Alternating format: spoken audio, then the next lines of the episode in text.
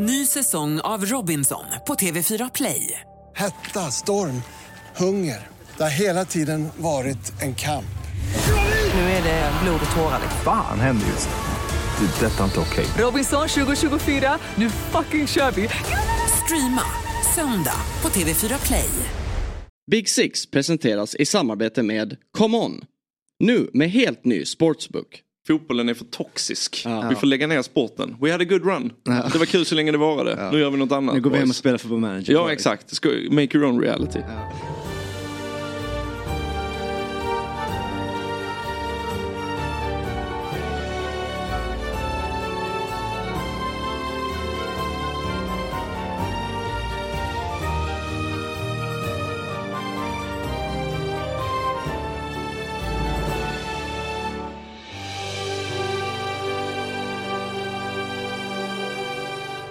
Hjärtligt välkomna till torsdagens avsnitt av Premier League-podden Big Six. Det är avsnitt 120 eh, tillsammans med Viktor Enberg och eh, Kalle Hultin.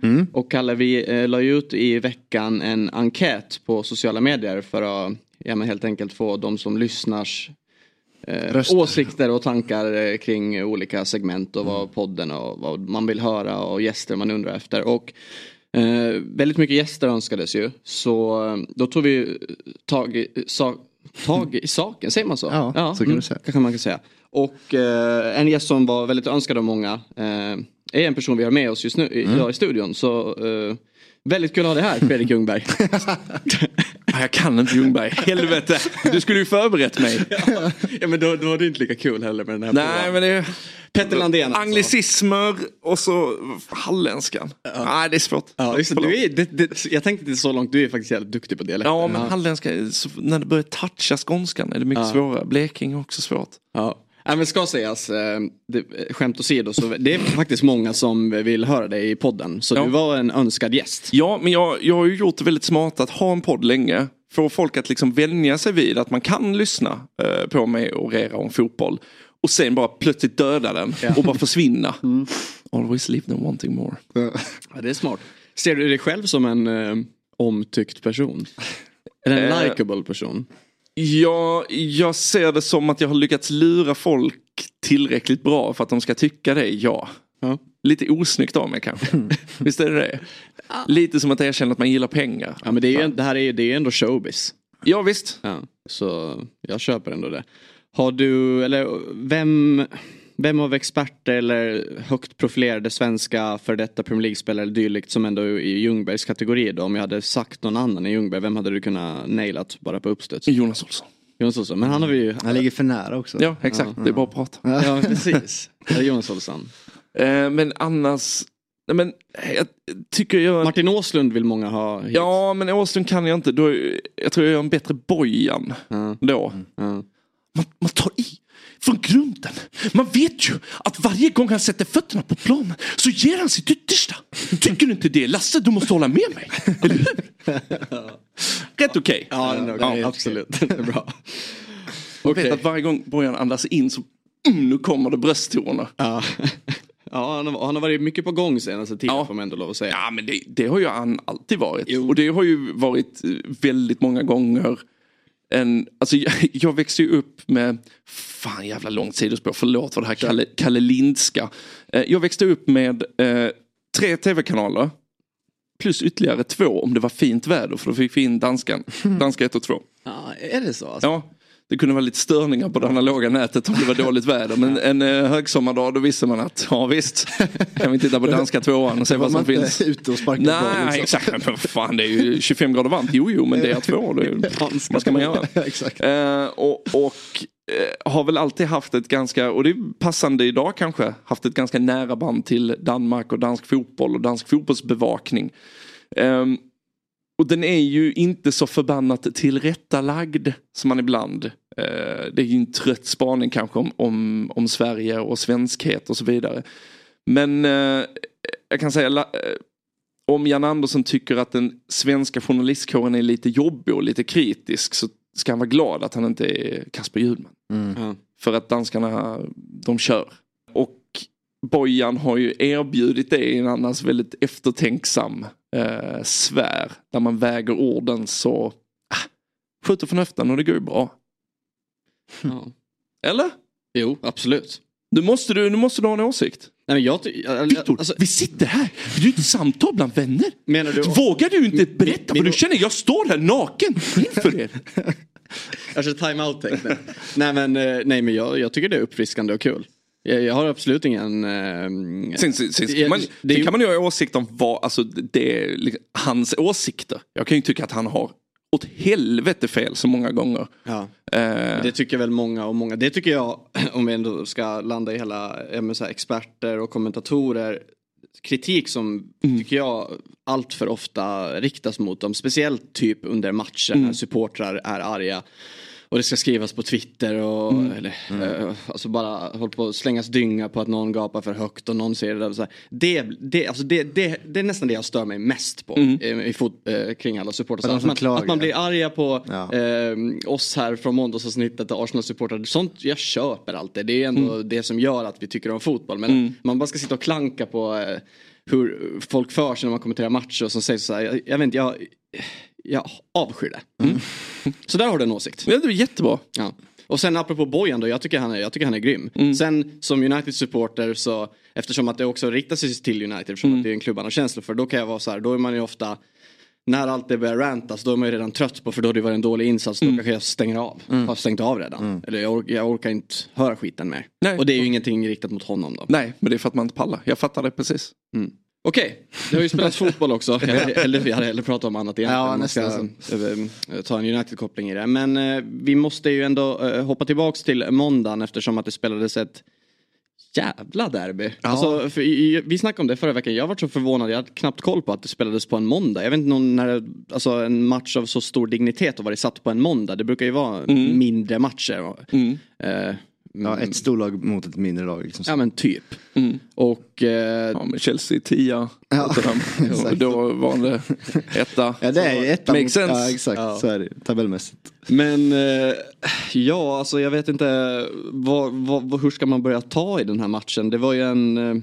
Allt hände och man får väl ändå säga att eh, ja, alltså, jag, jag förstår ju att du är glad och lycklig att Chelsea vinner och sådär men det, Chelsea är ju inget bra. Nej, Får jag säga så? Ja, det tycker jag. det håller jag med om också. Eh, och så här, glad och lycklig var man inte direkt på visslan. Eller Då var det mest att man andades ut för att man hade överlevt och kommit därifrån med tre poäng till slut. För att det var länge som jag inte trodde att det skulle ske. Och eh, liksom när, jag var mest arg hela andra halvlek. Eh, och eh, ja, skämdes nästan lite för att eh, de var helt vilsna när de var 11 mot 9, Chelsea. Eh, och Tottenham då som, ja det har väl i och för sig aldrig hänt att de har mött ett lag som ställt nio man på mittlinjen liksom. Nej. Och sen ska man eh, slå en långboll över och tajma in en löpning liksom. För att de försökte ju tio gånger innan de ens lyckades. Liksom. Ja, det var, det var faktiskt... eh, Men jag tänker att det är lite som att möta en nybörjare i poker. Man Ja. är pokerproffs. Att du är van vid att kunna läsa av vad proffsen gör. Men så kommer det en glad amatör som bara, nej men jag går all in på eh, 2-4 off-suits liksom.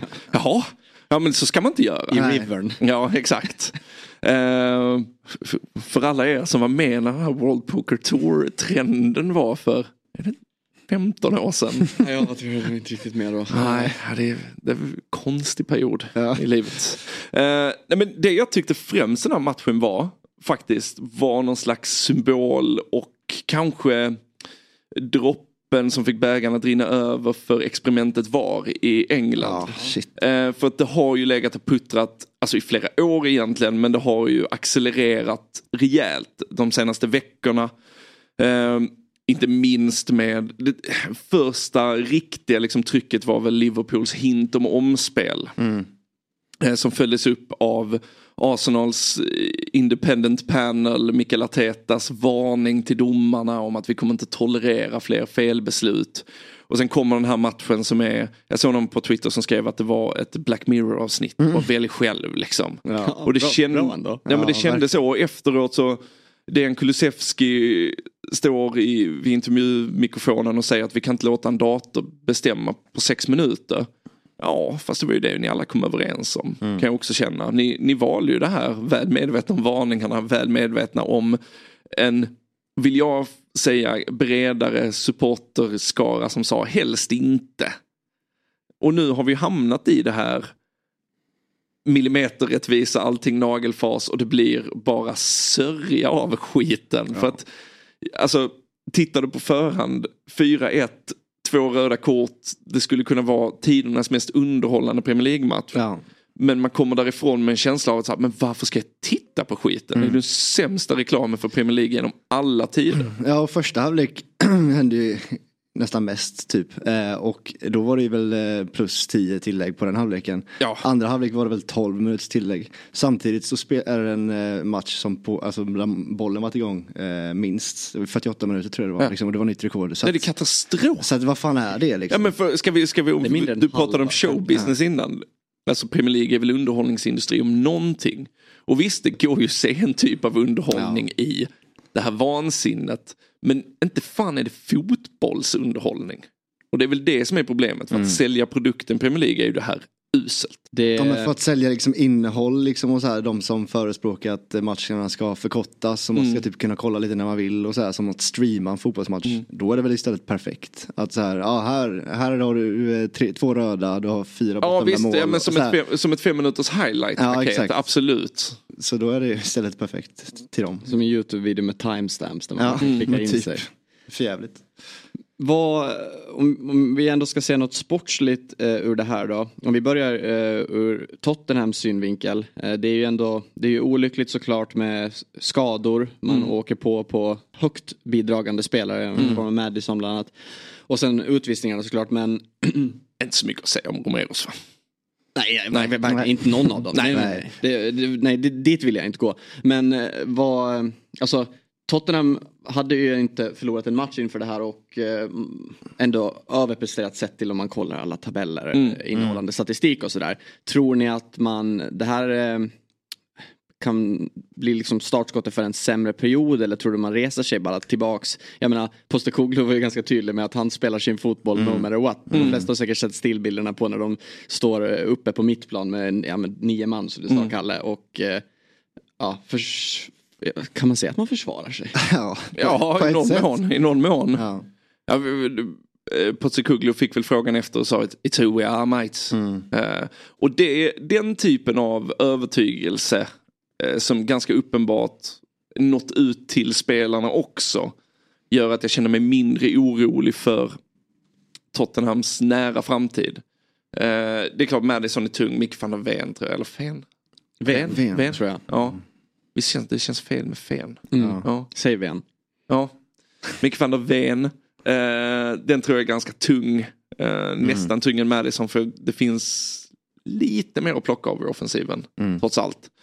Framförallt med Romero då avstängd. Eh, och ja, hade jag jobbat Wolves hade jag väl gillat läget men jag, jag, jag känner mig ganska, för de möts i nästa, eller hur?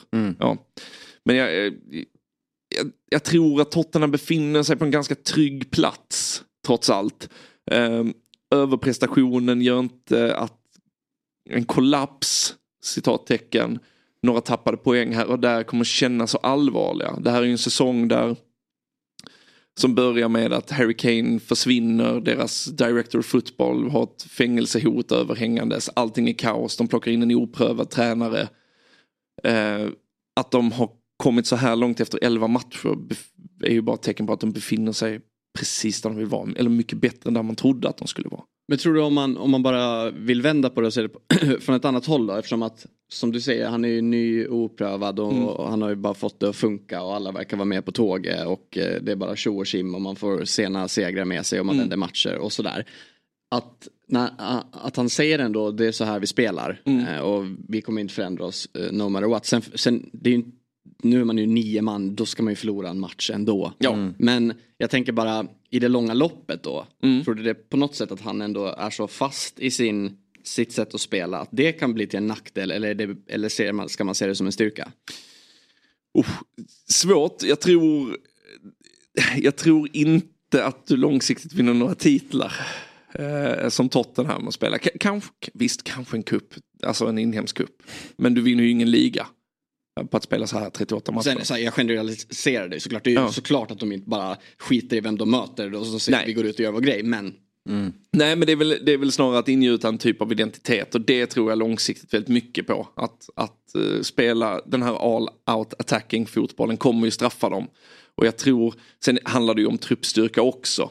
Det är eventuellt att med Citys trupp, att Postecoglou hade kunnat vinna titeln med att bara släppa loss. Um, men jag tror inte han gör det med Tottenham och det är av flera anledningar mm. egentligen. Det jag tror snarare som kommer förändras på sikt är att Postecoglou förvandlas från den här mysiga australiska farbrorn som vi alla älskar för att han är så my, en mysgubbe mm. och tar det här med VAR-frågorna med sån grace som man jämför med Arteta. Uh, det blir väldigt tydligt också med uh, några London-rivaler. Jag vill säga att jag tycker att Mikael Arteta är en patetisk nolla som håller på att prata som han gör. Uh, men Postecoglou kommer dit också var så jävla säker. Mm. Alltså han är människa nu men snart blir han Premier League-tränare. Helt plötsligt så är det vår, det är ytterligare en match med tveksamma domslut. City är på match 9 av sin 21 raka vinststreak. Ja, man börjar bli pressad. Ja, Kanske man slåss om en fjärde plats. På väg att glida ja. ur topp 4. Helt plötsligt är det inte så jävla kul längre. Får inte glömma att det var ju bara liksom i förrgår han värvade japaner till Celtic. Mm. Han, har ju, han har ju fått the golden ticket. Det är klart det, det är lätt att vara stor när du fortfarande är på smekmånaden. Mm. Vad drar du för paralleller då? Eller paralleller, vad drar du för slutsatser menar jag? Alltså av ändå en seger Nicholas Jackson ja, men jag, gör alltså, hattrick. Exakt, ha, men hade du, Borde kanske göra, hade gjort man bara, tre hattrick. hade du sagt så här liksom, Kalle vill du podda på torsdag och prata om eh, 1-4 vinster mot Tottenham och Nicholas Jackson hattrick? Ja gärna. Men liksom det är inte det som man tar med sig direkt. Han ja, jag tycker han gör ett hattrick men det är ju liksom tre raka tappins och sen sista fyra med Ronaldo målgest och säger sy liksom.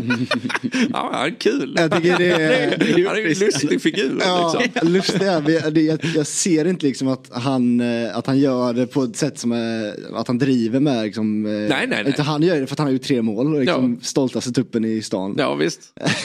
och, det, och det, då, då blev det bara en hand i pannan när man såg det liksom. Det var inte så att man ställer sig upp och gjorde den med honom direkt. Nej, men det är väl också symbol för det lite konstiga eh, riktningslösa Chelsea-bygget. Ja. Att man har en kille som firar med Ronaldo-målgest efter att ha underpresterat sitt XG ja. monumentalt en hel säsong. Ja. Däremot, jag tycker det finns positiva saker som man har sett i Chelsea sista tiden. Och en sak som tar emot för mig att säga att Cole Palmer ser ju ja. jätte, jättefin ut. Och att lägga ansvaret på straffar, att han tar det så bra som han gör.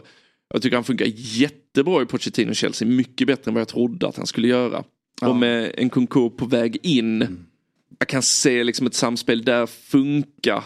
Uh, Sterling har ändå nått betydligt högre än vad han gjorde förra säsongen.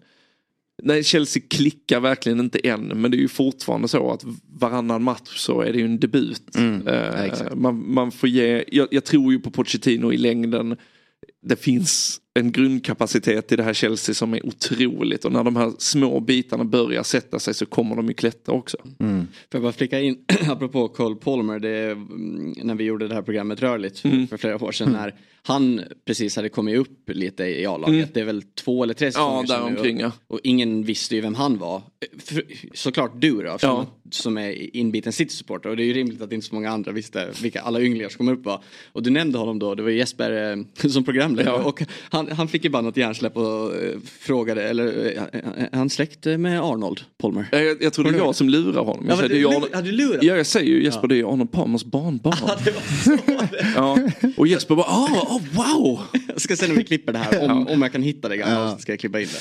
Ja, men det var i alla fall väldigt, väldigt roligt. Jag har ju längtat till det avsnittet där vi sitter här igen. Mm. Liksom, mm. och, eh, för att jag vill bara tacka för Cole Palmer. Eh, ja. Att han nu spelar hos oss. För att jag kommer ihåg, jag, jag kommer ihåg många gånger du har höjt han på Twitter mm. eller i Big Six eller alla andra sammanhang liksom. Och jag har inte riktigt fattat vad du menat för att mm. jag har inte sett såklart lika mycket som, som dig. Och han har ju inte spelat så mycket heller i City. Ja, nu har han liksom spelat fler minuter i Premier League, Chelsea än vad han gjorde för City någonsin. Liksom. Han hoppade in i kupper och delvis liksom, mm. som man, jag kanske inte såg då. Liksom.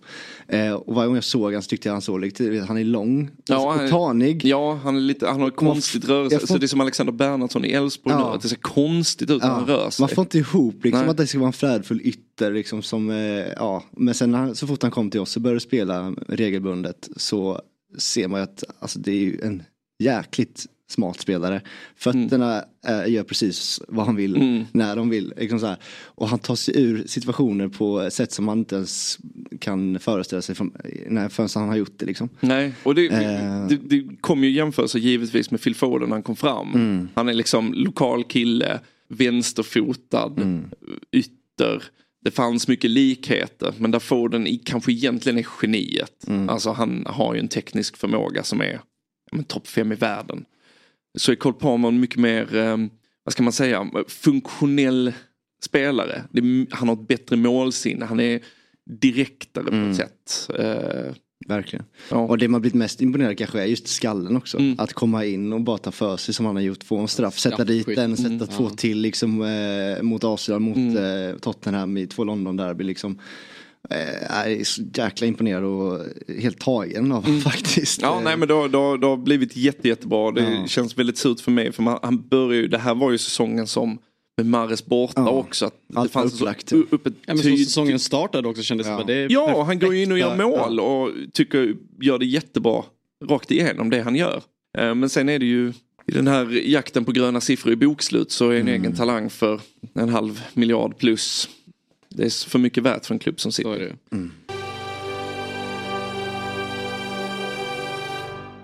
Tjena! Jesper Hoffman från Dobb här. Ni vet väl att vi nu släpper FBL Sverige som podcast varje tisdag. Fritt där alla poddar finns. Programmet om Fantasy Premier League med mig, Jesper Hoffman, Axel Insulander och Tobias Wimnell. FBL Sverige, det givna valet av podcast när ni lyssnar klart på Big Six. Ett poddtips från Podplay.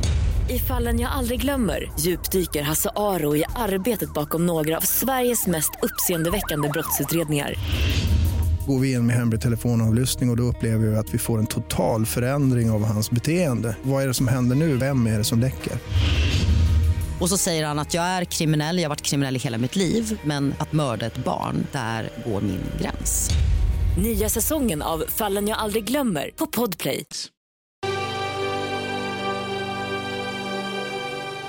Kommer ni ihåg Gabriel Obertan? Ja, Jajamän. givetvis. Han, han var ju, det var ju mer det drogs till parallell, det är alltid den nya Messi. Sen var ju den nya Henry då. Som, han, han värvades United, jag kommer inte ihåg hur länge sedan det var nu men det var runt 10-tal eller något sånt där, 2010 Ja, nästan tidigare. Men ja. bara när du sa det apropå alltså, hur, eh, hur Cole Palmer ser ut och rör sig. Mm. Eh, han var ju precis likadan, bara att han kunde inte. Mm. Jag, minns, jag minns hans första inhopp för United, jag kommer inte ihåg vad det var. Man var ju ändå, som man alltid är då med en ny spelare, Ja. man är ju lite taggad. Det här ska bli kul att se. Han får bollen längs kanten, sticker iväg och bara springer ut över sidlinjen med bollen liksom i full fart. Tror också han var vänsterfotad, om man nu vet själv. Sprang bara vidare. ja, perfekt. Jaha. Jo, 2009 kom han till. Det blir den där Roy Hodgson. Var väl i Newcastle en sväng efter det? Lång sväng. Ja det var ganska länge till. Ja. Mm. Det blir som den Roy Hodgson-klippet från när han är engelsk förbundskapten och bara "Ö, ö, ö, aj. det hände ingenting. Ja. Men om vi, eh, jag tänkte ställa den här frågan också, det tänkte jag lite på. Apropå det här då med Artetas approach eh, kontra Postekoglos. Tror ni att man, alltså den här osköna approachen ändå på något sätt kan gynna dem kommande matcher. Att man, för jag menar man har ju, jag vet att Jesper och Björn pratade lite om det att alla, jag menar alla tränare och alla på elitnivå är ju osköna personer när det går emot. Det är man ju själv om man tävlar eller någonting.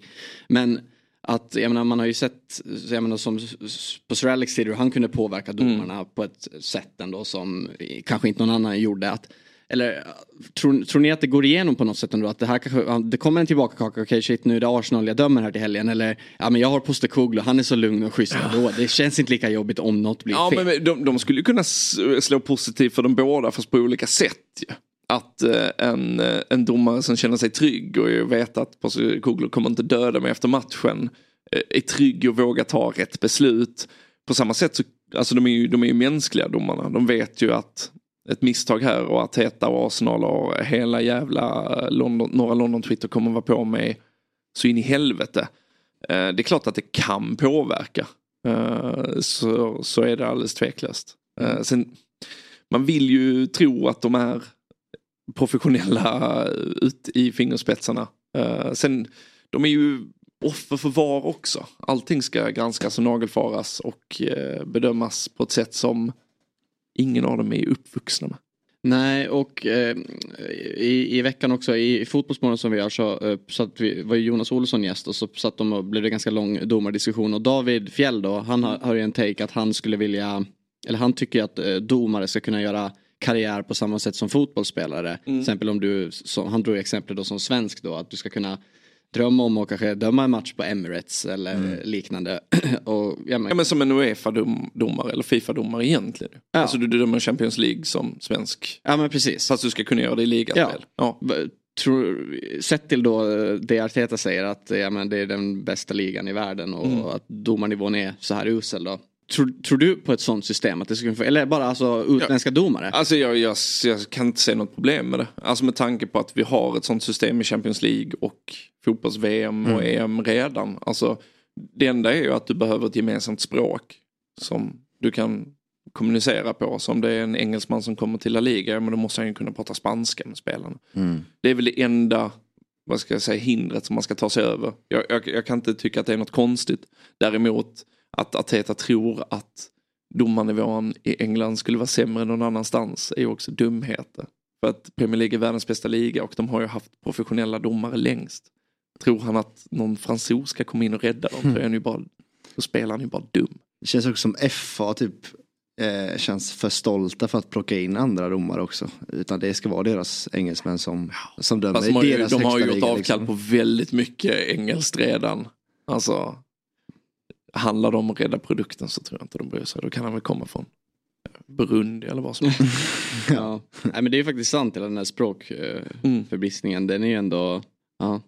Det kanske är en stor del till att det faktiskt är så i den europeiska fotbollen. Ja, skulle, alltså, men det, det, för det är ju bara så centralt. Du måste ju kunna kommunicera med spelarna. Men jag menar, tänk då om man skulle kunna, att det, det är ändå domarteam, men att man är, jobbar inom hela Europa. Mm. Ja, Men då är det ju ändå, det är fortfarande språket på plan, men jag menar det är ju inte så att alla i England pratar engelska ändå. På nej, planen, nej men så. äh, då, alltså antingen får man ju göra att, ja, men ska du döma i det här landet så måste du prata, eller tala språket som, som används där. Det är väl en rimlig, eh, ett rimligt krav att ställa på någon. Ja, verkligen.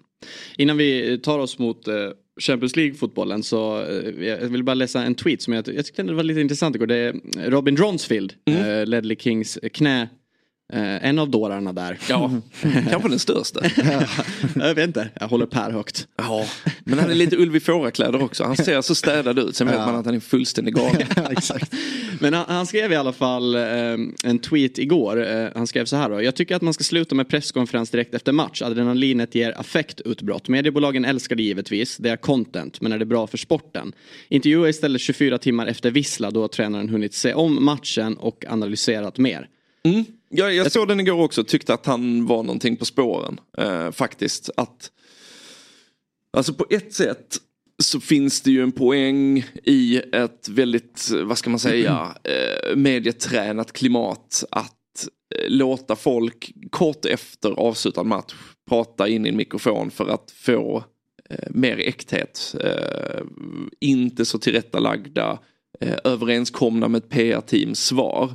Däremot så kan de ju väldigt ofta gömma sig bakom svar som jag har inte sett situationen, jag har inte hunnit se om matchen. Ehm, I den bästa av världar så skulle man ju kunna göra både och. Men ja, det- fan det skulle vara intressant att testa. Ja. För, Köra en tio matchersperiod och se, Det- se vad det ger. Liksom. Om, om, om man som, för att i, i, till syvende och sist så handlar det om mediebolagen ja, försöker ju producera vad tittare, läsare, lyssnare vill ha. Eh, men känner man att man som konsument av det då får ut mer, att man faktiskt får nyanserade, ordentliga eh, och ärliga svar 24 timmar senare så är jag för det. För det är ju intressant eftersom att, eller så här, först och främst just presskonferenserna, de tar man ju inte så mycket del av heller. Det är ju oftast egentligen, det kablas ju mer ut klipp och sociala Mm. medier efteråt. Så det är ju mer kanske de här postmatchintervjuerna som man ser som också man kablar ut med i studion. För presskonferensen kanske ofta är, jag menar studion har gått vidare till en ny match eller Ja, det det, det, brukar, alltså jag som har varit på en del, det kan ju sätta igång. Det beror lite på vilka tränare, vilka lag, resultat och så vidare. Men det är inte ovanligt Mm. att, ja, men en timme efteråt så. Men, men det hade ju antagligen också Sen för oss som poddar och alla som lyssnar som att fotbollen är ju så mycket mer än bara det som händer på planen. Mm. Det, är ju, det är ju roligt när det blir, uppstår eh, känslor och Mm. diskussion såklart. Men det hade ju kanske också om det, om det- här nu Mm. var på det sättet. Då hade ju Arteta antagligen inte kanske sagt som han gjorde. Nej. Arsenal hade inte gått ut och gjort ett club statement Mm. om det dagen efter heller. Så mycket av det hade ju antagligen eh, försvunnit. Ja, nej men det är därför jag säger, men jag är helt för prövoperioden. Mm. För att se om det, om det, om det då faktiskt blir ärliga svar. Att ja, men jag har analyserat matchen och jag har noterat detta, detta, detta. Eh, och vi i Arsenal säger att det är fortfarande pinsamt och att eh, de har en konspiration mot oss. Nu såg vi på saken. Vad man kan säga? Man ska egentligen ta, vänta 48 timmar innan man gör något beslut om man ska köpa någonting. Man brukar ju säga någonting, någonting sånt här. Eller är ett Aldrig dygn, jag vet inte. Ja. Men just, Det bara jag som har blivit just Tottenham-Chelsea som exempel gällande det här. Då, alltså, eh, alla vill ju veta liksom, om den här höga försvarslinjen. Mm. Eh, om Postecoglous beslut. Liksom, att göra. Och då orkar man inte, då är 24 timmar väldigt länge att vänta Jag på. är framförallt i ett eh, medieklimat som Ja. är för dagen. Eller att någon vi, som skadar sig och status Ja, men- på dem. eh, ja, men vi, har hunnit, vi har hunnit gå vidare, det ja, händer ju något annat. Det går ju så fort idag. Så det, då blir de 24 Nej, timmar en men vecka det, nästan. tänk, liksom. tänk er själva men Sveriges uttåg ur eh, EM-kvalet. Ja. Alltså man känner ju som tv-tittare att jag vill höra vad Jan Andersson har att säga i Mm. den här stunden. Jag, jag som konsument av landslaget kräver det. Så jag tror att det hade varit svårt. Som sagt, det bästa hade ju varit om man hade kunnat få till både och. Att Mm. det hade varit en, en pressträff liksom på träningsanläggningen 24 timmar senare och bara okej nu har du fått analysera. Vad säger du? Precis. Mm. För också ur en tränares perspektiv, nu gick Arteta ut hårt och jag Mm. fattar ju också att man är lack eh, sådär efter slutsignalen. Och, och så blir det ramaskri och dagen efter man poddar och det skrivs på sociala medier och man jämför med hans uttalande efter det som hände eh, Liverpool. Ja exakt. Eh, och eh, ja, men, gör sig lustig över honom. Men han får ju inte heller chansen att uttala sig eh, mer än det som hände på presskonferensen för nästa match. Som är ett gäng dagar Ah. De har ju, Eller det är väl hy- klart de har ju skulle kunna hyggligt göra starka det, egna men- kommunikationskanaler om det skulle vara i Ja jag hans vet intresse. men det, men det görs ju inte. Nej. Så är det ju. Nej. Och det ses ju också i ett annat ljus om du ska publicera någonting på Arsenal TV. Mm. Liksom, då ser det, ser det mer ut som en ursäkt. Eller liksom Ja, då att det vill vara att det är tillrättalägga. Exakt, de då blir det vinklat istället. Så att det ses ju annorlunda ut. Så fall. Ja man behöver, behöver sätta någon på det här. Nej, men det, det, det är ju svårt, alltså det är ju det är en knäckfråga i att det är ju världens överlägset största sport och alla vill ta del av allting hela tiden. Men det, och det gör ju att klubbarna eh, och dess representanter liksom sluter in sig. Man har sina specifika tillfällen när man pratar för man vet att allt man säger blir och det är från traditionell media, det är från ny media. Som du säger, det, det var ju inte, det är ju inte så att det är de gamla kvällisarna och det säger inte jag bara för att jag jobbar på en av dem som tar upp det här och jämför med hur det såg ut i oktober. Utan det, folk tar ju upp det och den kraften, man, man vill passa sig helt enkelt för att hamna i, i den stormen. Även om den alltid blåser över på 12 timmar. Det hade varit kul att se om eh, Premier League har gjort som i Allsvenskan. Att de eh, får tillgång till tränarna eh, innan match precis Mm. innan visslan och i halvlek liksom. Och höra en Arteta efter slutvissla. Mm. Det hade nog varit Mm. ännu värre. Det finns en otroligt fin eh, när Henke Larsson var tränare i, eh, var det HIF då va? Och de möter Norrköping. Norrköping vinner 3-2 precis i slutet. Men jag tror Daja Sjölund trycker in eh, 3-2 i 94. Eh, och alltså det är så konstigt när man tittar för det brukar ju vara lite, ja nu tittar vi på, på firandet och sånt här. Men eh, kommentatorn bara, ja då har vi Henrik Larsson här. Då har han liksom gått fram dit själv, tagit på sig eh, eh, headsetet och eh, säger nu ska ni få lite härliga quotes här. och han är så fruktansvärt arg. Men det, där, där uppskattade han chansen att, att få säga precis vad Ja. han tyckte i affekt. Och det är ju, han kunde ju stå för det sen. Han tyckte att det var katastrof. Eh, och att Helsingborg hade blivit rånade och han kunde stå för det några dagar senare. Eh, och såg väl faktiskt positivt på att det fanns en chans att Mm. gå rakt fram framför kameran och bara säga vad han tyckte. Man Ja. kanske bara ska ge dem möjligheten. eh, Mikael, eh, Ernst, då, då står det här nu liksom. Det finns ett headset och ni kan när som helst ringa Ja. upp till Michael Richards och till Gå den matchen det är bara ja, kliva dit. Liksom Ja. gå och synka sig själv så här som Ja. i, i Robinson. ja, exakt. Gå till ett eget rum och bara brinna av Ja. och sen komma tillbaks. Det enda, enda kravet vår är att vi får publicera det. Så får du Ja. säga vad du vill. Ja. Och jag menar, apropå det då, ehm, alltså om vi tillbaks till eh, det um, Robin Ronsfield skrev med tweeten med affekt och, Mm. och, ja. Det är ju egentligen samma sak om man ska dra till alla supportrar typ som går ut och skriver på Twitter. Mm. Det är ju, många gånger kanske man inte sk- skulle tänka om också innan man publicerar något när det Jo, brinner jo. mitt under en match. Mm. Så det är ju verkligen, det kommer ju mycket dårskap ur det. Jo tack. Och mycket content. Ja. Kalle, Ja, sista helgen nu inför ytterligare ett landslagsuppehåll. ja. Och det innebär ju såklart att vi har en trippel att presentera tillsammans med ComeOn som precis lanserat en ny sportsbook med riktigt grymma odds. Och Och eh, vad har du att bjuda på denna helg? Ja, en eh, söndagstrippel. Jag gillar att ha alla matcher på en samma dag. Mm. Eh, det underlättar för många. Eh, och det är fina matcher just på söndag. Aston Villa tar emot Fulham och eh, de gick i bet här senast Aston Villa men nu på hemmaplan har de varit grymma hela säsongen. Så att Aston Villa vinner och över 2,5 känns superfin.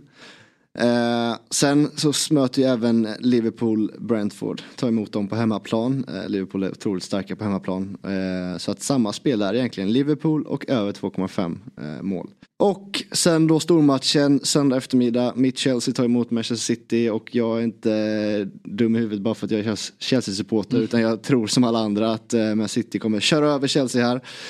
Så att det är egentligen samma spel där också. Manchester City vinner och över 2,5 mål.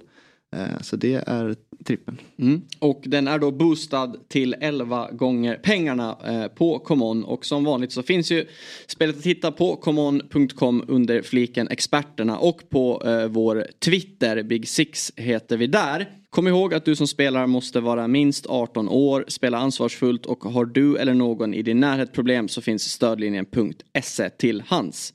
Vi säger stort tack till Common som är med och möjliggör Big Six. Det har spelats eh, Champions League den här veckan och Petter jag fattar ju att huvudfokus för dig alla dessa dagar det är ju Manchester City, Mm. Young Boys. Ja. 3-0. Ja men det var väl, den main takeawayen var väl faktiskt att Young Boys tränare ser ut som en football manager default som du själv eh, skapar. Att han har ett väldigt dataspelsmässigt utseende. Jag såg det. Äntligen har han fått jobb. Ja Var exakt. det många som drev om. ja. ja men det, och det, det var en väldigt bra spaning. Det var kul.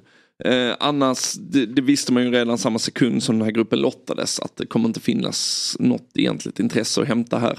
Nej. Eh, den sorgliga sanningen om den eh, moderna fotbollen är att det finns inte en chans i helvete att City inte typ vinner alla matcher och tar sig vidare enkelt. Det är, det är en väldigt ointressant transportsträcka. Ehm, Det är tredje året i rad. Ni får Leipzig också. ja, vi hade Shakhtar där innan som alltid Ja. lottades mot. Eh, Inget minne. Nej, jag har flera. Ja, nej men det, det, det är svårt. City... Champions League-mässigt så finns det verkligen ingenting att säga. Nej. Alltså noll och intet. Det finns inte en spaning, intet. De, de, de, går, de kliver in, de gör sitt jobb och så åker de hem. Det var synd att det inte var, att det inte var borta matchen istället hade vi kunnat prata om att det var konstgräs och hur förde man sig då. Ja. Men det är, ju Det är väl de som spelar på Wankdorf också så kan vi dra något, eh, något bra skämt om det. Men eh, Det intressanta annars kring City är ju att med två förluster på elva matcher att det finns, vad ska man säga, en typ av diskussion att vad, vad, är, vad är City? Är de liksom bra? Har de problem? Håland kommer inte in i det, han gör inga mål. Men är det inte bara för att man måste hitta någonting? Jo, och det, jag skulle komma till det att det är, det är ju en desperation för tittar du på det, ja men nu, nu är de ju serieledare. Eh, har gjort flest mål, släppt in minst. Eller fast, säger man fast? Det går väl an. Ja. Färskt. Ja. Fast antal mål. Ja. Du är journalist. Eh, ja, språk är mitt verktyg. eh, City ser ju ut att må jättebra. Jätte, jätte, jättebra. Och detta är ju då när Erling Haaland inte är igång. Det finns ju alla anledning för oro. Jag förstår utifrån det perspektivet Mikael Artetas frustration och ilska i att tappa den matchen mot Newcastle på det sättet som de gör. För är det någon som vet vem som kommer komma igång, Ja. att detta är när de är dåliga. Ja. Så är det någonting jag tycker ser tecken på så är det ju att City ser ut att vinna ligan även i år. Det är ju om man drar parallell till exempel till Arsenal som många ändå är inne på nu att det ser kanske inte riktigt lika bra ut som i fjol men de har ju ändå gått bra Mm. och får resultat med sig. City det är ju egentligen det motsatta. Mm. Exakt.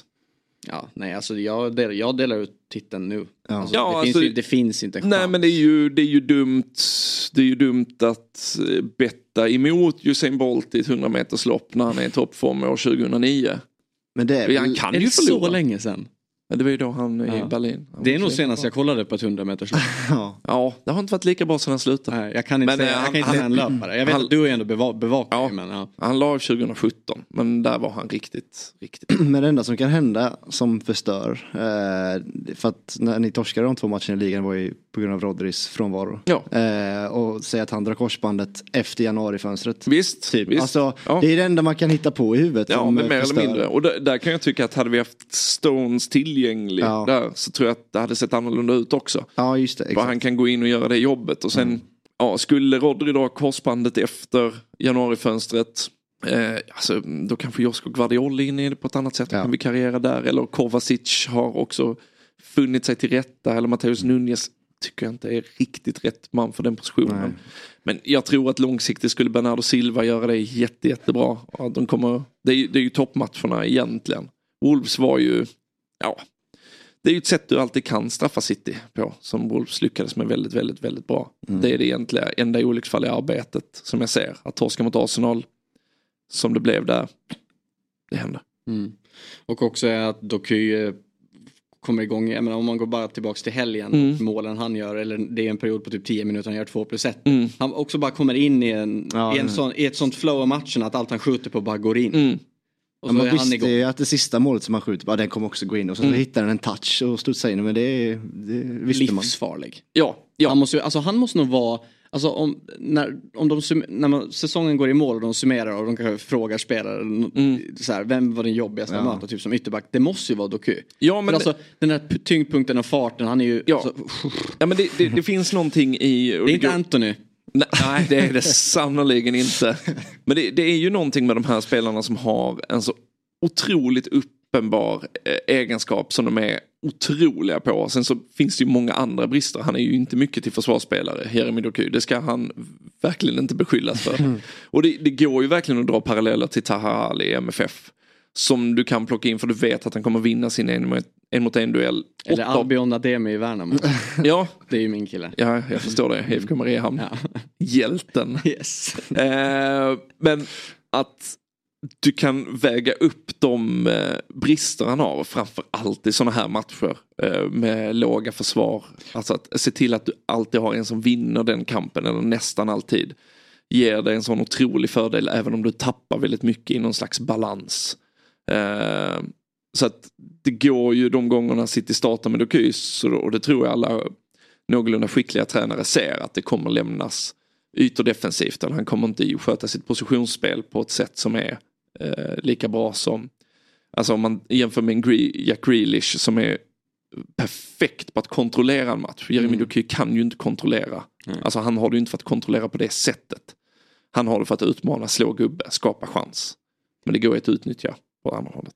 Och det är ju också en sån fördel när man har två så olika spelare på den positionen. Ja. Om man tänker Grealish och Doku. Om man ser för just en spelare som Doku som har de egenskaperna. Mm. Om, om, om man inte är i slag eller har självförtroende. Då ser det ju ut som en Anthony. För han, är ju den, han ska ju vara den Ja. spelartypen. Men det går ju inte. Och då som i ett Uniteds fall till exempel. Där man har, man har skador och man har avstängningar Mm. av spelare som inte kommer i tid eller orkar armhävningar med truppen typ. Då finns det ju ingen, det finns ingenting man kan rotera med. Så Nej. står han där varje omgång. Ja. Och det är ju som att spela med en man mindre. Ja. I Dokys fall kan det ju vara bara om han har en sämre period. Byt in honom i 75 och Ja. det är sån jävla edge. Ja, men det, jag, det är en gammal käpphäst jag har att jag förstår inte varför inte alla bra lag har en 1,98 lång anfallare som if all else fails, ja men då kan du ju skeppa långt i alla fall. För oreda kommer skapas.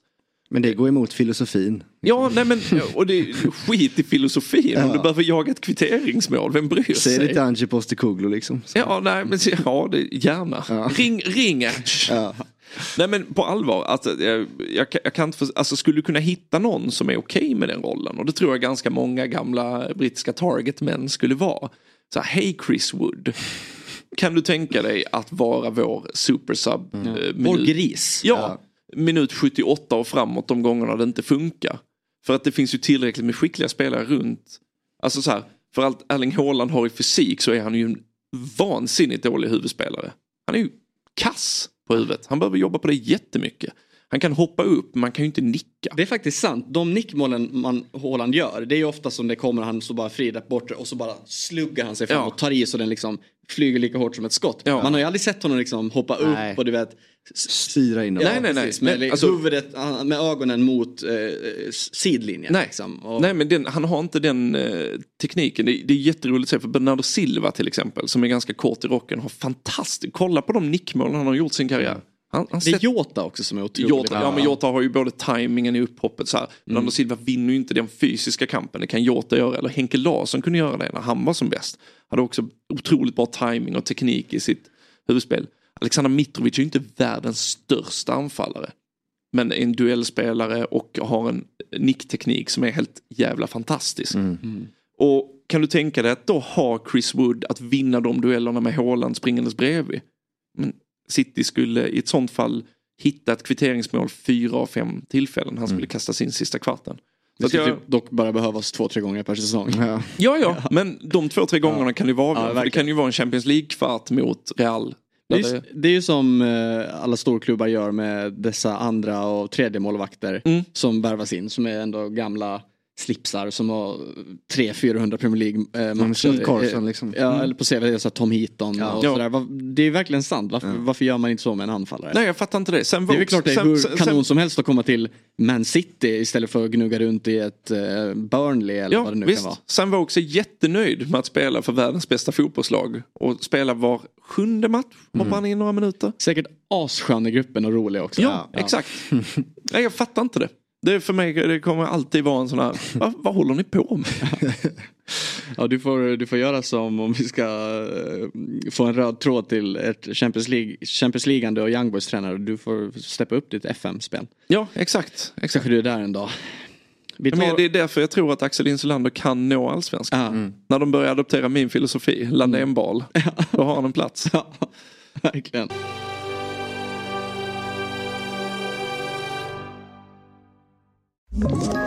Ett poddtips från Podplay. I fallen jag aldrig glömmer djupdyker Hasse Aro i arbetet bakom några av Sveriges mest uppseendeväckande brottsutredningar. Går vi in med hemlig telefonavlyssning och, och då upplever vi att vi får en total förändring av hans beteende. Vad är det som händer nu? Vem är det som läcker? Och så säger han att jag är kriminell, jag har varit kriminell i hela mitt liv men att mörda ett barn, där går min gräns. Nya säsongen av Fallen jag aldrig glömmer på Podplay. Ska vi ta oss till eh, Mardrömmarnas teater då? Mm. Det var ju eh, match på Parken igår i Köpenhamn eh, och ja, alltså för de som inte har koll då, Mardrömmarnas teater, det var ju, de hade ju ett rätt nice tifo, FCK. Inför matchen där det stod då Theater of Nightmares. Och för de som verkligen inte har koll så är det Old Trafford som då kallas för eh, Drömmarnas teater. Ja. Så då gjorde de en anspegling på det. Och eh, först och främst vill jag bara, det är så nice när det spelas, när det nordiska eh, supporterskapet och läktarkulturen kommer in i Champions League. Mm. För Visst, FCK är ju med ganska ofta eh, i Champions Mm. League-gruppspelet ändå. Men det är ju inte så att man sitter och kollar på alla deras matcher. Nej. När, om de inte möter Nej men när det blir lag. FCK Klubb Brygge, då är det ju sällan första valet. Mm. Så är det. Ja, så är det verkligen.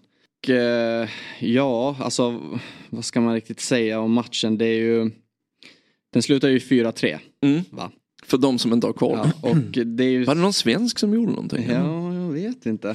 Men om, vi, om man ändå vill ta det lite kronologiskt på något sätt. Att United kliver ändå ut och eh, alltså sen och är bra om man gör... Ja men jättebra. Ja, man är- de, är totalt dominanta innan Rashfords Höjlund gör två mål och han har bud på att göra ett hattrick också. Det där Mm. volleyskottet. Eller halvvolleyskottet, Mm. den där sträckta vristen. Och sen bara... Och då tänker man ändå, okej skönt. Alltså, jag, jag hade ju redan ka- inkasserat de här tre poängen. Skönt, vi kommer att Mm. lösa den här gruppen nu och ta oss vidare. Och det här är bra för gruppen bara. För, för det var ju det vi snackade om inför när United för några veckor sedan skulle möta Sheffield United efter uppehållet. Att Mm. här kommer man bara kunna gå ut och ta en seger och göra tre, fyra mål. Och även fast det är Sheffield United med ligans sämsta försvar så kan man bygga någonting. på. Mm, Spelet kanske kan se liksom. bra ut. Eh, och så har det ju inte blivit i någon Nej. av matcherna efter det. Fram till nu då så tänkte Ja. man okej, n- det här kanske ändå kan ge någonting. Fan vad bra. Kanske Ten Hag ska vara kvar nu, det här är perfekt. Eh, Han har ändå fått grej på gruppen. För det har ju lätt- ryktats om att han har ju suttit, han har haft möten med alla spelare i veckan Mm. och så här efter och allt som stormar. Så kanske få grej på det här ändå Mm. med sitt holländska ledarskap. Men så, så tar det... Vad är ett holländskt ledarskap? Ja, Om du det- måste definiera Ja, det i en mening. Okej, för mig är det det raka och tydliga, och dåraktiga och det, det är inget gulligull utan de är ju ja, så Nej, ungefär. man saknar ju fan själv. Ja. Mm. Eh, Och det sägs ju idag då att kanske för många, mm, alla yngre generationer som kommer upp att det kanske inte passar alla att det ska vara Nej. på det sättet. Så det, det är lite det jag menar. Mm, Kanske mm. lite förutfattade meningar men så är det för mig i alla fall. Nej, jag ville bara veta definitionen av holländskt ledarskap. Vad hade du sagt då? I nästa vecka, Färöiskt ledarskap. Nej men jag skulle Ja, säga ungefär det. Eriksson. Nej, jag, jag, håller, jag håller med, jag ville bara jag ville höra din definition. Ja. Men eh, så tar det väl en dryg halvtimme. Eh, nej det tar väl 40 minuter men det är ju typ en halvtimme kvar av första halvlek. Ja, exakt. Som den här eh, situationen uppstår där Rashford visas ut. Och eh, alltså jag är verkligen, jag har ingen typ tydlig åsikt i det här röda kortet. För jag förstår att eh, man måste ju hålla koll på sin kropp. Och det är ju det är ju en, det är ju en olycklig händelse. Han går ju inte in för Nej, att tackla det, det honom. Han ska ju täcka undan no bollen. malicious intent. Men sen som han träffar foten och hur den verkligen, hela ankeln böjer sig. Han hade ju lika bra kunnat brutit benet. Och jag förstår ju det, det är ju så regelboken är. Man måste fortfarande ha kontroll på sina kroppsdelar. Ja men, det, det, Och- men och det, är ju, det är ju ett resultat av VAR för att man måste ta den. Men jag tycker ändå att det kändes som att allt snack var att det var så tydligt att det är inget snack om att det, jag tycker ändå det värt eh, på något sätt en diskussion kring det. För jag menar, om man går tillbaks till eh, helgen då till exempel, matchen på St. James' Park. Att Havertz inte visar sig Ja, för sin tackling. För att, för att han, liksom li, han missar med en millimeter Ja. med dobben i en tackling som är helt Men vad som kunde ske. Och där är kanske alla är eniga om att han borde visats ut.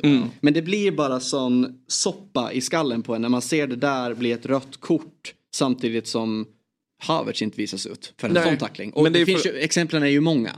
Ja, och det är för att fotbollen har adopterat ett teknologiskt system som bygger på att det finns ett binärt rätt och ett binärt fel när fotbollen är en sport med tusen olika färgkombinationer mellan svart och vitt.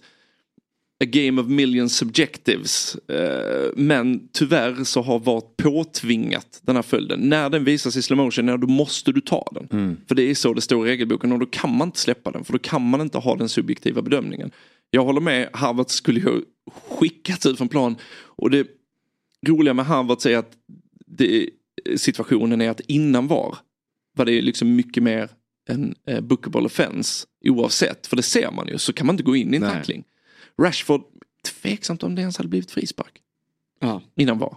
Och om man, om man kollar bilder i efterhand och repriser, domaren står helt, han står kanske fyra meter därifrån. Det är inte en spelare i vägen, ingenting. Varför kan inte han då bara ta något beslut av det? Därför att han, han har ju blivit kastrerad av teknologin ja, som ska ge oss rätt och fel. Det är liksom... Nej men det, det är tyvärr eh, situationen vi befinner oss i för att vi har, alltså fo- fotbollen har målat in sig i ett hörn med att vi kan granska det här i efterhand och regelboken säger detta och vi ser detta. Liksom de kopplas ihop när vi har visat de här bilderna och du har fått möjlighet att se dem, då kan vi inte backa från det. Utan då måste vi ta det. Men det säg ett gult då för att det blir olyckligt att han har ansvar för sin kropp. Det tycker jag. Jag tror att liksom en, en, en vanlig domare hade sett detsamma. För domaren på plan ser ju att det finns, det, det finns ingen eh, intention från Rashford. Och det, exakt, och det finns ju inte, till exempel eh, om någon gör en sån eh, satsning som Havertz gör, det är ju bara, han är ju tokig. Ja. Och han, han har ju, Men han har ju en annan intention, Exakt, han är ju farlig att ha kvar på planen. Rashford kommer inte göra illa någon efter det där. Nej, nej. Och då, och då blir det att man drar upp den här Dennis Vavro armbågen i ansiktet på eh, Rasmus Höjlund. Och då är det väl att, ja men det är inte en direkt tydlig armbåge, det är en arm, det är eventuellt ett gult kort, men gult kort kan du inte ta enligt VAR. Och så vidare och så vidare och så vidare. Det, det är tyvärr här vi befinner oss för att vi har låtit, eh, som Dejan Kulusevski sä- säger, en dator att ta beslut under sex minuter. Och då, då, då måste vi hamna här.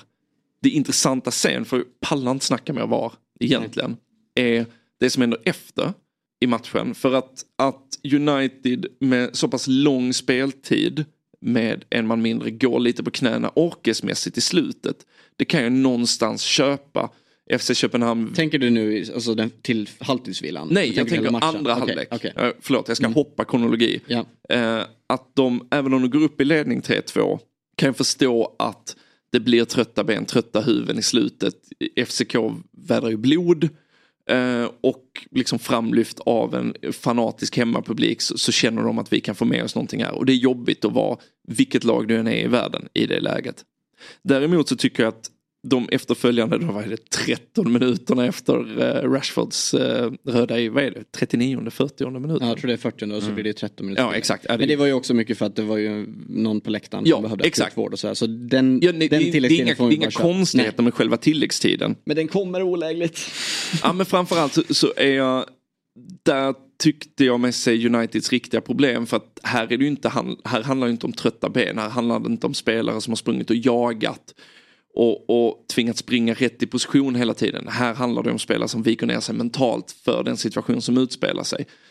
Att man så snabbt låter Elionossi äh, reducera och sen, ja, det är ju två var han som vi som spelar ut varandra som blir andra målen. Men att de Men första målet å andra sidan också, han står ju faktiskt i offside-position Ja, framför Onana. visst. Och jag, jag håller med, jag håller med Ten Hag i det. Att så här, var, var drar vi då gränsen? Men återigen, jag orkar inte prata om var. Nej, nej. nej Men utan, utan att jag tycker att det highlightade ett problem i United att om man jämför med Postekoglos nio man vid, eh, vid mittplan att it's who we are mates.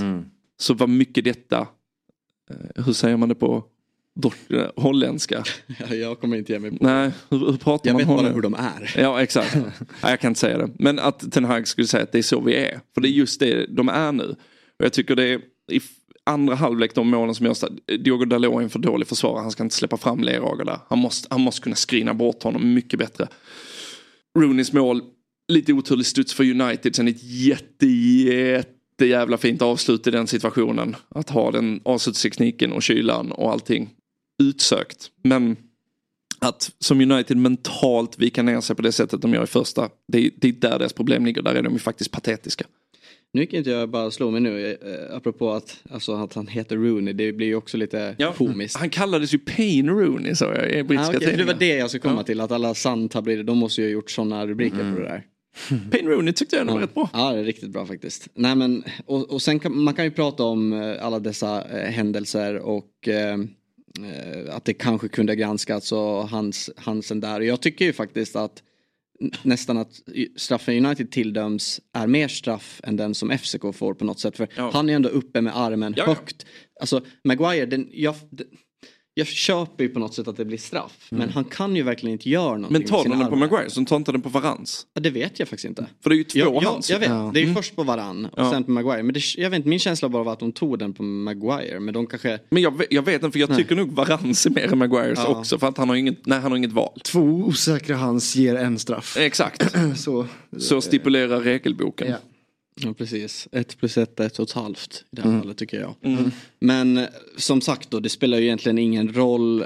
Man ska ju, man ska ju ändå vinna mot FC Köpenhamn. Jag, jag tycker att United borde kunna, trots den massiva stopptiden som var, försöka formera och ta sig in i halvtidsvilan. Åtminstone med ett målsledning.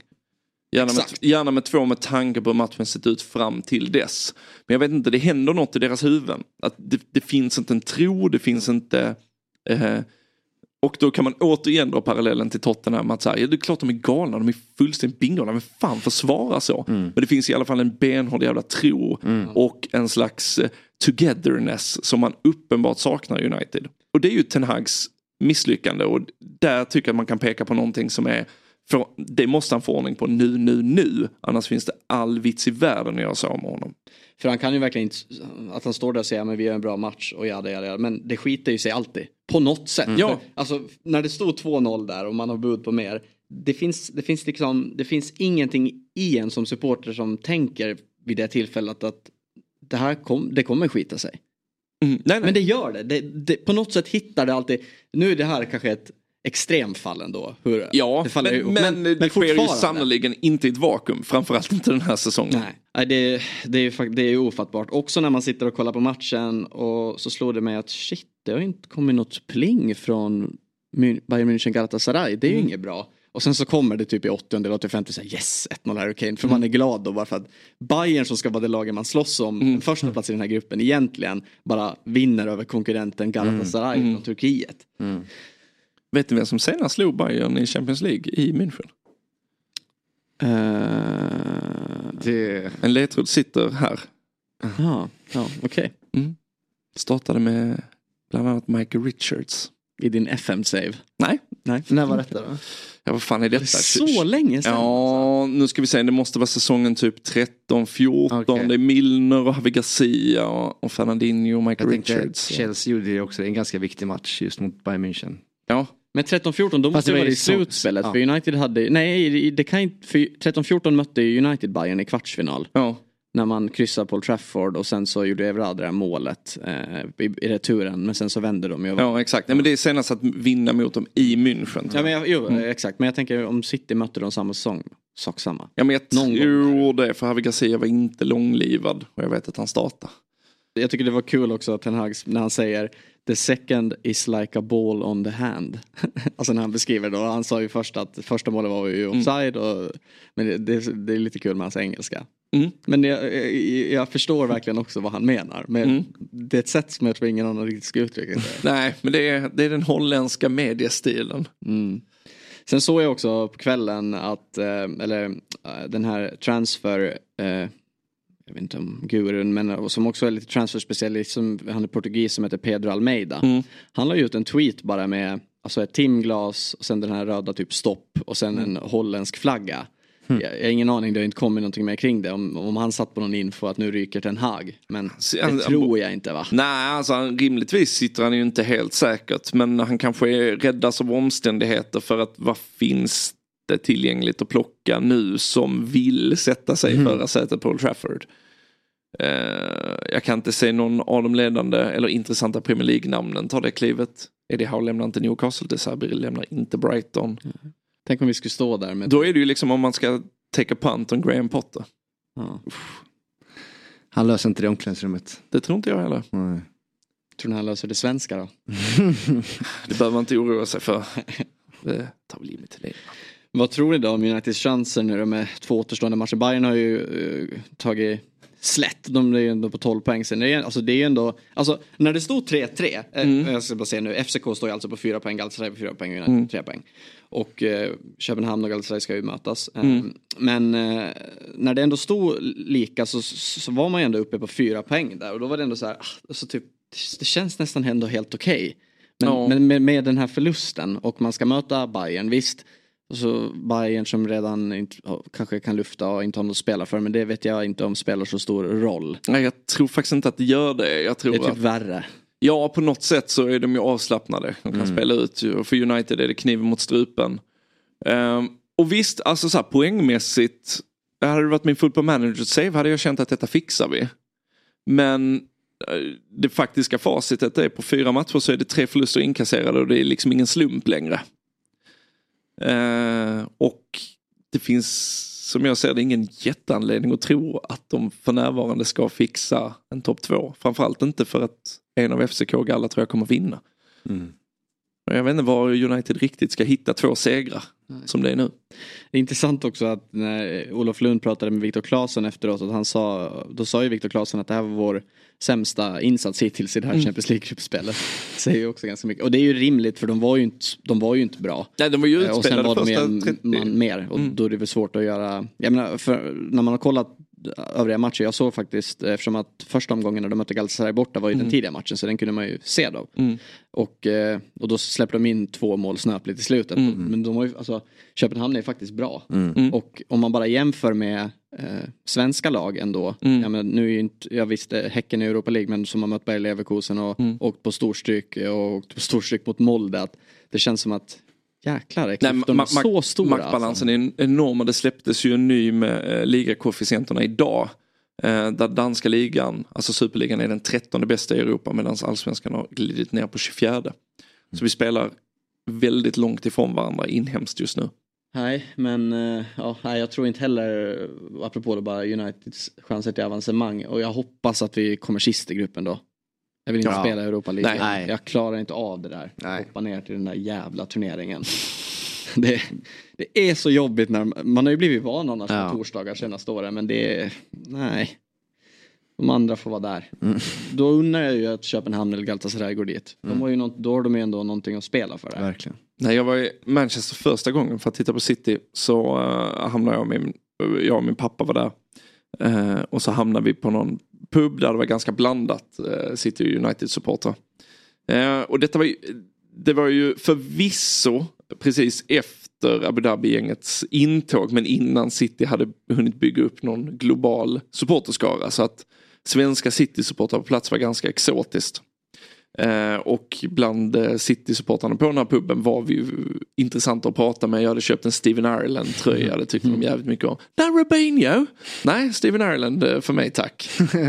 och då kommer det i alla fall fram en pissfull, skallig gubbe i 50-årsåldern som håller upp sitt pass och bara börjar sjunga. This is what it's like to be city. This is what it's like to be small. This is what it's like to have your passport home in a drawer. och jag tänker på det nu när United är på väg ut. Att, fan att United och City inte har samma antal stavelser för då kan vi sjunga det tillbaka. Just det. United City. Ska vi ta oss till helgen då? Ska vi spela Premier League igen? Mm. Sista gången på ett litet tag. Så. Sen, Det är ju landslagsuppehåll. uppe. Ja, ja, visst. Jajamän. Sista. Jan Anderssons trupp ska åka till Baku. Just det, just det. Woohoo! Ja, det kanske, ja jag vet inte. Nej, det, jag tänkte säga det kanske är lite skönt som man säger, men det är inte skönt. Det är skittråkigt. Ja, det är det faktiskt. Speciellt nu också när det bara är mörkt och grått och regnigt och trist. Det finns inte så mycket annat att göra på helgerna. Nej. Jag som spelar golf och sådär, då har man Mm. ändå kunnat, det är, alltid, det är alltid lite jobbigt när höstsäsongen drar igång, när det också är slutspurten av golfsäsongen. Mm. Så här, okej, lördag, är, man kan bara spela dagstid, det blir mörkt sent, man missar massa matcher, det är Mm. så jäkla svårt att få ihop. Nu är det bara så här, ah, nu kan jag bara koppla av och kolla på fotboll. Men ja, ehm, om vi ska ta det kronologiskt då i alla fall. ehm, det är ju alltså lördag som det kickstartar 13.30 med Wolves Tottenham. Sen senare spelar Arsenal mot Burnley klockan 16. United möter Luton samma tid. Och sen på söndag då 15.00 Brentford Liverpool och 17.30 Carl Hultin och Petter Landén Chelsea mot Man City med Anthony Taylor som huvuddomare. Som Det är ju också eh, intressant apropå då med domare. Ja, Ja, du, du kan få prata. Ja, men, Prata ut. Det är bara märkligt hur det fungerar. Att han blev eh, liksom, nerskickad till Championship. Mm. Gör bländande insatser där. Att liksom, döma straff som är märklig. Ja, påhittad ja. Påhittad. Preston Coventry. Och sen bara, hmm, vad gör du nästa helg Anthony? Ska du ta hand Mm. om den största matchen i ligan då kanske? Ja men varför inte? Eh, och slängs in i hetluften Mm. direkt liksom. Så att, Det är ju faktiskt... man undrar ju hur det, Det är hur de verkligen, tänker. man orkar inte sätta fokus på att hela tiden sitta och klanka på och dra ner på att domarna är så dåliga Mm. och sådär. Men det blir ju också lite konstigt. Mm. Om, om, man- om, det är ju helt rätt. Det är ju precis samma sätt som en spelare gör det dåligt. Då blir det ju bänkad. Mm. Och varför ska... Och sen bara liksom i så fall in och... Det är som att An, eh, Sancho, nu är han Mm. långtidsbänkad. Men om han skulle bara bli avstängd i en match så ska han hoppa in och starta derbyt. Typ. Det händer ju inte. Nej. Fast Anthony. Anthony är väl ganska Ja, bra. Det är ju en hög spelare så han spelar ju. Ja. Men, men skitsamma, det var kanske bara en dålig jämförelse. Nej, men nej, att men han, jag- jag att han håller med. plötsligt bara står där och ska döma den största matchen för Ja, nej, och det- Fine, jag- sätt honom på eh. Bournemouth. Everton Ja. eller Brighton, Sheffield United då eller någonting. Visst, visst, jag håller med. Jag tycker De också vet det är ju också att det kommer bli rubriker Ja. av det. Ja, jag tycker också det är underligt. Men de kanske går på någon slags erfarenhetsmatris. Att, Han är eh, väl typ en av de domare som har dömt flest Premier League-matcher Ja, det skulle jag tro. någonsin. Det skulle jag tro. Ja. Han har varit med väldigt, väldigt Ja. länge. Och det är kanske typ det, de eller baser, det är kanske det de baserade på. Jag vet inte hur domar, om de har löst domartillsättning på andra matcher tidigare och målat in sig lite i ett hörn. Ja, det är underligt men eh, jag är så trött på domarfokuset. Sätt en jävla kon med en eh, iPad på. Det löser ju sig. Ja. Man pratar ju mycket om inför matchen eh, mot eh, Herregud, Tottenham. Tottenham. Ja. Att, eh, visst, det kanske inte sett så bra ut, Chelseas ligaplacering, men Pochettino är ju ändå sett till att han gör bra mot de större lagen. Att han är ändå en bra tränare och matchcoach och ja, men, får sina lag att prestera mot bättre lagen. Vad, har du någon känsla inför att möta stora stygga City? Nej men eh, de första 15 minuterna när det var 11 mot 11 mot Tottenham så, så var det ju tvärtom. Då var vi ju helt utspelade. Eh, de spelade igenom oss hur lätt som helst och eh, skulle nästan, alltså det var ju jättenära på att ha 2-0 där och då hade det nog blivit en väldigt annorlunda match. Och då hade vi suttit här och sagt att han kanske inte är så bra mot de andra stortränarna Mm. liksom, och allt vad det heter. Och jag vet inte hur mycket heller den här vinsten ger i form av liksom självförtroende boost till spelarna för att det var en sån märklig insats. Eh, och det var, inte, det var inte så mycket av en laginsats heller Nej, taktiskt. nej, liksom. Så att jag vet inte vad de tar med sig riktigt mer än tre poäng och kanske lite mer säkerhet. Eh, och nu är det bland det tuffaste provet på söndag, eh, givetvis. Det tuffaste vill jag nog Ja, men, Ja, men du kan möta dem på ett också. Ja, vad det jag menar. Ah, Eller vrider mm. på det så blir det ett snäpp Jag lägger mig här. Nej, och visst, jag, jag satt och sa samma sak i, på sam, exakt samma plats i den här studion inför Arsenal-matchen. Att jag känner egentligen ingen oro. Eh, och Säg det- gärna det igen då. Så att, Nej, jag känner verkligen ingen oro. Eh, jag, jag såg inte framför mig att Arsenal skulle vinna eh, på det sättet som de gjorde. Men jag uppskattade verkligen sättet som Arsenal vann mot City på. Att de började tjonga långt och att Kai Havertz blev kasten i anker. Och eh, en liksom förlupen boll eh, hamnade hos Martinelli och han kunde trycka in den. Jag ser inte det hända mot Chelsea som det är just nu och det är inte för att det inte finns, som vi var inne på tidigare, talang i det här Chelsea-laget eller att Pochettino skulle vara en undermålig tränare. Det handlar om att de inte har kommit så långt någonstans i den processen att bygga ihop ett fungerande lag av de här bitarna och det var ju väldigt tydligt mot Tottenham som du säger, det var ingen laginsats, det var ju några enskilda prestationer och det är ett City med Rodri eh, och eh, övrig manskap mer eller mindre helt kommer inte tillåta det. De, jag tror de kommer plocka isär Chelsea ganska bekvämt faktiskt. Mm. Det vi får hoppas på är väl liksom att eh, man håller nollan eh, halvleken ut eller någonting och sen så blir eh, ni blir ju aldrig liksom ivriga eller nervösa eller speciellt Nej. inte, mot oss kanske. Eh, men att liksom vi ska börja få in några, några, några farliga kontringar. Alltså vet, det är Nej, så det- lite så, så smala halmstrån som man ska Ja, men säga det, det, greppa är det är som du det säger, om, om, eh, om det är mållöst efter 45 Ja. och City börjar plocka, alltså, successivt trycka fram positionerna så går det ju att straffa med en lång boll på Sterling eller Mudrik som slår sin gubbe. Eh, Mm. Ja men så, likt så Wolves ju, typ med Pedro Neto liksom att vi, Ja, att. Mudryk ska få träffen Ja men exakt, ja, men du, du behöver lite tillfällighetstur Ja. men du behöver också konsekvent utmana City en mot en. Då, då går det att straffa. Eh, Mm. Ja, men, för att eh, nonchalanten är väl den man kan vinna mot i så fall. Ja Liksom, exakt, eh, men det, det handlar ju också om att Chelsea då ska hålla tätt. Ja, och jag har svårt att se dem göra det.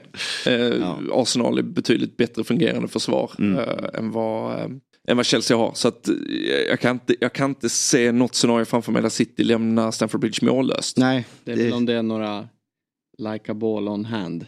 Ja just det. situationer. Ja visst, Ja. visst. Vi får hoppas absolut. att VAR och Anthony Taylor på sidan men det brukar ju inte vara. Så att, eh, Vara.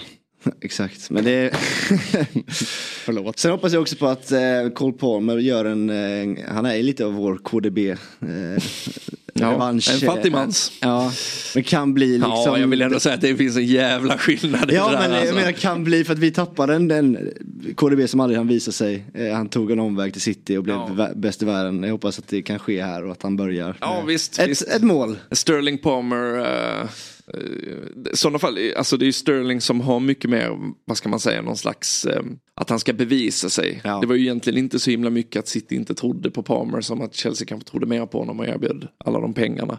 Eh, Men någon som har eh, suttit med Raheem nära sig och tänkt att den här gången gör han mål mot Liverpool. Han gör Nej. inte det. Nej, jag vet. Det blir inget släkten är värst om det är Holmgren som Ah, Ja, han kommer ju nämna det. Men eh, Sterling kommer inte stå för det. Möjligtvis att Palmer gör det. Men inte Raheem. Hoppas vi får ett par sy också. Ja, Nicholas det, Jackson. vet du, om Chelsea ska vinna då, då ska det fan firas med Nicholas Jacksons sy. Ja, då kommer jag hänga med han också. Eller bara, du vet, bara kopiera andra så här rivallags... Ja. Eh, alltså, Gareth. Bales handhjärta, Wayne Rooneys boxning. Eh, Ja, han, han, har- han har förberett allt. ja, exakt. Utom, utom Drogbas. eh, Ja, som Haaland gjorde. Mm, utmanad av Drogba Exakt, på ja. Ballon d'Or-galan. Så Exakt. att eh, Drogba håller, håller på City. Ja, det. ja, innan vi stänger igen, vill ni säga någonting om omgången i övrigt? Eh, alltså, ja. Jag, jag skulle nog fan säga att om Ten Hag inte går in i landslagsuppehållet med en seger hemma mot Luton. Då, Då, får det- då måste man kanske klippa banden. För att då, då, då finns det fan ingenting kvar. Nej, jag håller med. Verkligen. Det Nej. spelar ingen roll då om, om det ser bra ut, om inte resultaten kommer. Det Nej. går ju inte. Nej, Nej, nej det gör inte det. det går inte. Det gör inte det. Jag håller med. Eh, jag är ju lite nyfiken på, alltså jag har tänkt väldigt mycket på Bournemouth som man gör. Alltså. För att de valde ju eh, vägen att plocka in eh, en baskisk tränare. Eh, Som har sitt team nere i Spanien. och Det är väl någon strul med... Ja exakt Mm. och eh, gjorde väldigt mycket spännande på försäsongen som man har fått ut absolut fuck all av. Eh, och jag är lite nyfiken på hur länge det experimentet fortsätter. För en del av mig känner att det kanske finns en väg för Big Sam tillbaka. Mm. O- One last dance. Kommer Eh, Så jag hoppas det fortsätter gå 2024. åt helvete för Bournemouth. För att det ger en ökad möjlighet. Ja, men kul, kul take. Mm, tack. Mycket bra. Tack så mycket för idag då. Tack själv. Kalle, kul att du var här. Petter. Tack för att Även jag fick fast det komma. inte var Ljungberg eller någon vi löste men ändå. Ja, men bojen gick ju okej. Ja, verkligen. Vi får se hur det tas emot där ute. Mm. Big Six är i alla fall tillbaks på måndag igen med Jesper och Björn. Kanske det har varit någon situation som gör att det blir ramaskri även eh, nästa måndag. Ha det så bra tills dess. Hej då.